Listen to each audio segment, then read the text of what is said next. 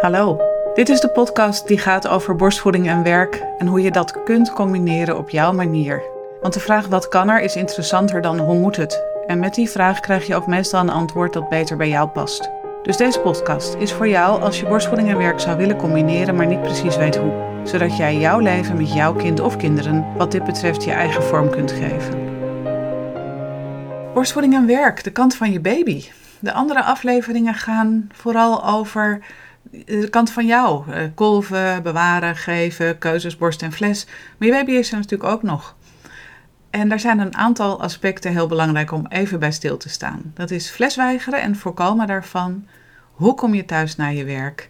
En in het verlengde daarvan, wat gebeurt er rond slaap, waardoor je aan je melk kunt gaan twijfelen en aan je borstvoeding? Om te beginnen bij flesweigeren. Flesweigeren is eigenlijk een heel vervelend compliment. Rond de leeftijd van drie maanden, ergens tussen de 6 en de 14 weken, verdwijnt bij je baby de zuigreflex, waardoor je kind voor het eerst in zijn kleine leventje kan bedenken wel of niet gaan zuigen. Dus het is de eerste keer dat je kind echt kan beslissen over het eigen lijfje. Ja of nee, doe ik het wel of doe ik het niet? En het is een compliment omdat wat we zien is dat kinderen waar borstvoeding heel goed gaat, vaak neigen om de fles te weigeren. Maar vroeger zagen we veel meer kinderen niet echt lekker aan de borst gaan. En toen zag je dus ook veel meer borstweigeren op deze leeftijd. Een tweede kant van het verhaal is dat je kind rond die leeftijd, dus ergens rond die tien weken, bewust moet gaan doen wat hij of zij onbewust deed. En dat is ontzettend lastig. Want hoe harder je ergens over na moet gaan denken, hoe lastiger het, het vaak wordt. Dus wat je ook heel vaak ziet, is dat op deze leeftijd kindjes beter fles of borst drinken. Als ze slapen, midden in de nacht, als ze slaperig zijn, als ze net wakker zijn, omdat ze dan nog niet nadenken. En een mooie vergelijking is misschien: probeer eens je tanden te poetsen met je andere hand. je denkt dat je weet wat je doet, maar het is eigenlijk nog best lastig. Of een schaar gebruiken met je andere hand. Dan weet je ineens weer hoe moeilijk dat is. En dat je, hoe harder je erover na probeert te denken, hoe moeilijker het eigenlijk wordt. Wat nou het lastige is, is dat die zuigreflex biologisch gezien, van nature, stopt ergens rond die drie maanden. En dat is drie maanden voordat de meeste kinderen in onder natuurlijke omstandigheden, misschien nog veel later zelfs, vaste voeding zouden gaan eten. Dus een kind kan heel rustig met maar één manier van eten, namelijk de borst, oefenen in hoe dat moet. En dan zijn wij hier met onze flessen. En net op het moment dat een kind het echt moeilijk heeft ermee, gaan we ze twee volstrekt verschillende manieren van drinken aanbieden stel je voor dat je net je rijbewijs hebt, je mag net zelfstandig de weg op en de ene keer rij je een automaat en een schakelauto. En een automaat en een schakelauto. Je wordt dol en je leert geen van beide echt goed. En dat is waarschijnlijk waar we mee te maken hebben met dat flesweigeren. Nou, hoe kun je het nou voorkomen? Helemaal voorkomen kun je het niet. Een kind wat echt heel graag bij je drinkt, het daar heel fijn heeft, kan nog steeds bedenken, ergens rond het moment dat jij gaat werken, nou, doe het niet. Maar je kunt het wel voorkomen door tijdig te beginnen. Begin ergens rond de vier weken. Eerder kan ook, als het nodig is of als je dat wil. Wacht niet tot tien weken. En denk ook niet bij vier tot zes weken, oh, ons kind kan het. Het venijn zit hem niet in het kunnen. Dit gaat echt over willen rond tien weken. Dus begin rond de vier, zes weken en hou het vanaf dan erin. Je moet de fles oefenen, de kunstvoeding niet.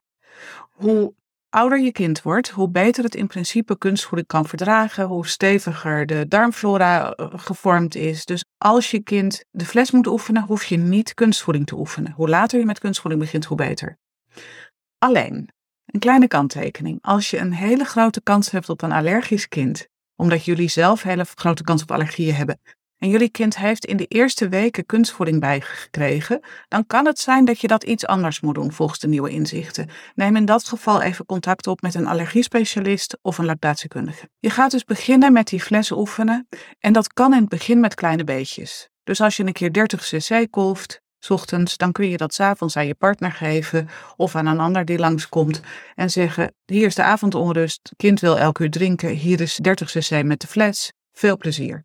Doe dat op een rustig moment als je kind nog gezellig is, meer als een nieuwe vaardigheid dan als een vervanging voor jou. En als dat goed gaat, dan ga je geleidelijk richting die tien weken steeds vaker echt een hele voeding aanbieden. dus dan probeer je je kind de ervaring te geven, in elk geval twee, drie keer per week, dat het op de fles net zo tevreden kan raken als aan de borst. Dat kan zijn doordat je opgespaard hebt, dat je een voorraad hebt. Zeg je hebt zo'n 100 cc liggen, uh, die geeft je partner en jij kolft op dat moment voor de volgende keer dat hij met de fles gaat oefenen. Of nog leuker, je gaat iets leuks doen in die tijd. Dus jij gaat weg en je laat de uh, fles oefenen terwijl jij of slaapt of met vriendinnen iets leuks gaat doen of naar de sauna gaat. Maak er een feestje van.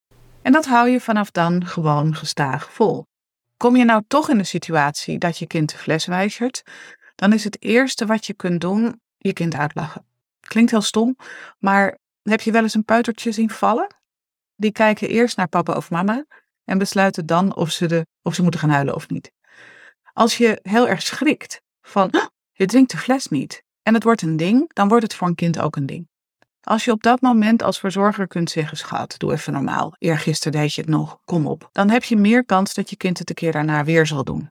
Ga niet forceren. Het is verleidelijk om door te knallen, maar bedenk echt dat dit gaat over en voor het eerst ja of nee kunnen zeggen en het even echt moeilijk hebben. Dus als je dat gaat forceren, krijgt je kind eigenlijk een steeds grotere hekel aan die fles. Als je merkt, oh, dit is echt serieus spul, dan stel ik voor dat je een tweesporenplan gaat doen, waarbij je aan de ene kant de fles niet meer gaat geven als vervanging voor jou, dus niet op het moment dat hij eigenlijk de borst zou krijgen, maar dat je de fles tussen de bedrijven door gaat geven op het moment dat je kind jou of jullie ziet eten of drinken. Dus je zet een klein bodempje melk in een flesje naast je eigen kopjes. En op het moment dat je kind vrolijk en gezellig is en klaar is om iets nieuws te leren, dan neem je je kind erbij. Je laat zien dat die fles daar staat. Je begint zelf met eten en drinken. En dan bied je het de fles aan alsof hij ook gezellig mee mag doen. Bij wijze van spreken, oh, sorry, ik vergeet jou helemaal. Wil je ook? En als je kind het doet, is het prima. En als je het niet doet, is het ook prima. En aan de andere kant, ga op bepaalde momenten echt weg en laat je kind even ontdekken dat als jij er niet bent, de fles echt nodig is. En dan is het belangrijk hoe je thuis komt. Stel, jij bent van twee tot vier weggegaan en je kind had eigenlijk rond half drie, drie uur willen drinken en heeft echt honger tegen de tijd dat je thuis komt. Play it down. Kom thuis.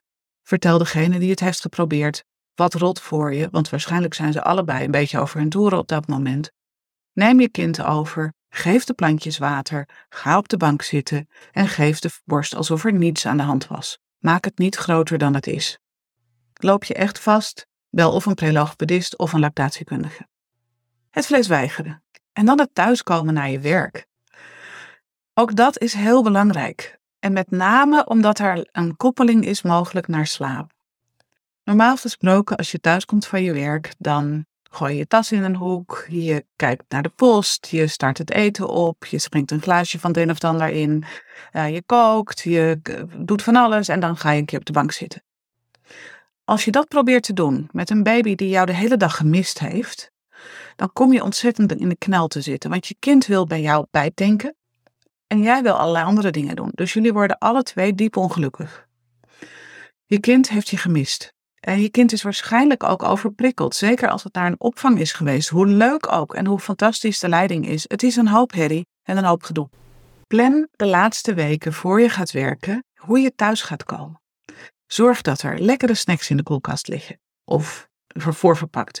Zorg dat er iets te drinken staat met een smaakje, een kan water met muntplaatjes of iets dergelijks in de koelkast. Kom thuis, gooi je tas in de hoek, pak dat lekkers en ga op de bank zitten met je kind en voed. Na die voeding sta je op, start je het eten op. En de eerste weken dat je werkt zijn diepvriespizza's en afhaalmaaltijden een prima plan. Zodra het eten onderweg is, ga je op de bank zitten en je knuffelt. Zodra het eten klaar is, ga je eten en daarna ga je op de bank zitten en je voedt. En zo krijg je eigenlijk de kans om samen met je kind weer even thuis te komen en kan je kind zich weer veilig voelen voor de nacht begint. En kan je kind ook letterlijk even bijtanken, zowel met jouw melk als met je aandacht en je lichaam en alles. En het, het knuffelen kan ook door papa, dus je kunt wel degelijk zeggen, nou eh, lief, mijn partner, hier ben je, hier is je kind. Maar het kan ook zijn dat het echt even heel erg aan jou vastzit in het begin. Borstvoeding is nou een keer meer dan eten. En soms moet je als baby even mama tanken voor je de wereld weer in kan. En het zou heel goed kunnen dat als je dit doet, als je op deze hele bewuste manier thuiskomt na je werk, waarbij je voornamelijk ook heel veel aandacht geeft aan dat elkaar gemist hebben en het thuiskomen, de nachten subtieler gaan zijn. Heel veel kinderen slapen rond drie, vier maanden slechter. In het Engels wordt het de four-month sleep regression genoemd. Maar het gebeurt ook later in de periode weer. Als kinderen zich snel en veel ontwikkelen, slapen ze ook vaak veel slechter. Juist na een drukke dag is het thuiskomen, het landen, het vertragen heel belangrijk. En borstvoeding kan daar een, deel van zijn. Aan de andere kant betekent dat s'nachts wakker worden niet altijd dat je kind te weinig gegeten heeft. Als je veel aan je hoofd hebt, slaap je slechter. Een van de eerste symptomen van overwerkt zijn is s'nachts wakker liggen. En een baby maakt in dat eerste jaar zo'n belachelijk snelle ontwikkeling door. Die zijn af en toe overwerkt. Stel je voor dat je net weet hoe je je handen aan moet sturen, maar het lukt de helft van de tijd niet om dat ding wat je wilt pakken ook echt te pakken. Oh, de frustratie. Stel je voor dat je begint te kruipen, maar je handen doen het nog beter dan je benen, dus je gaat alleen maar achteruit.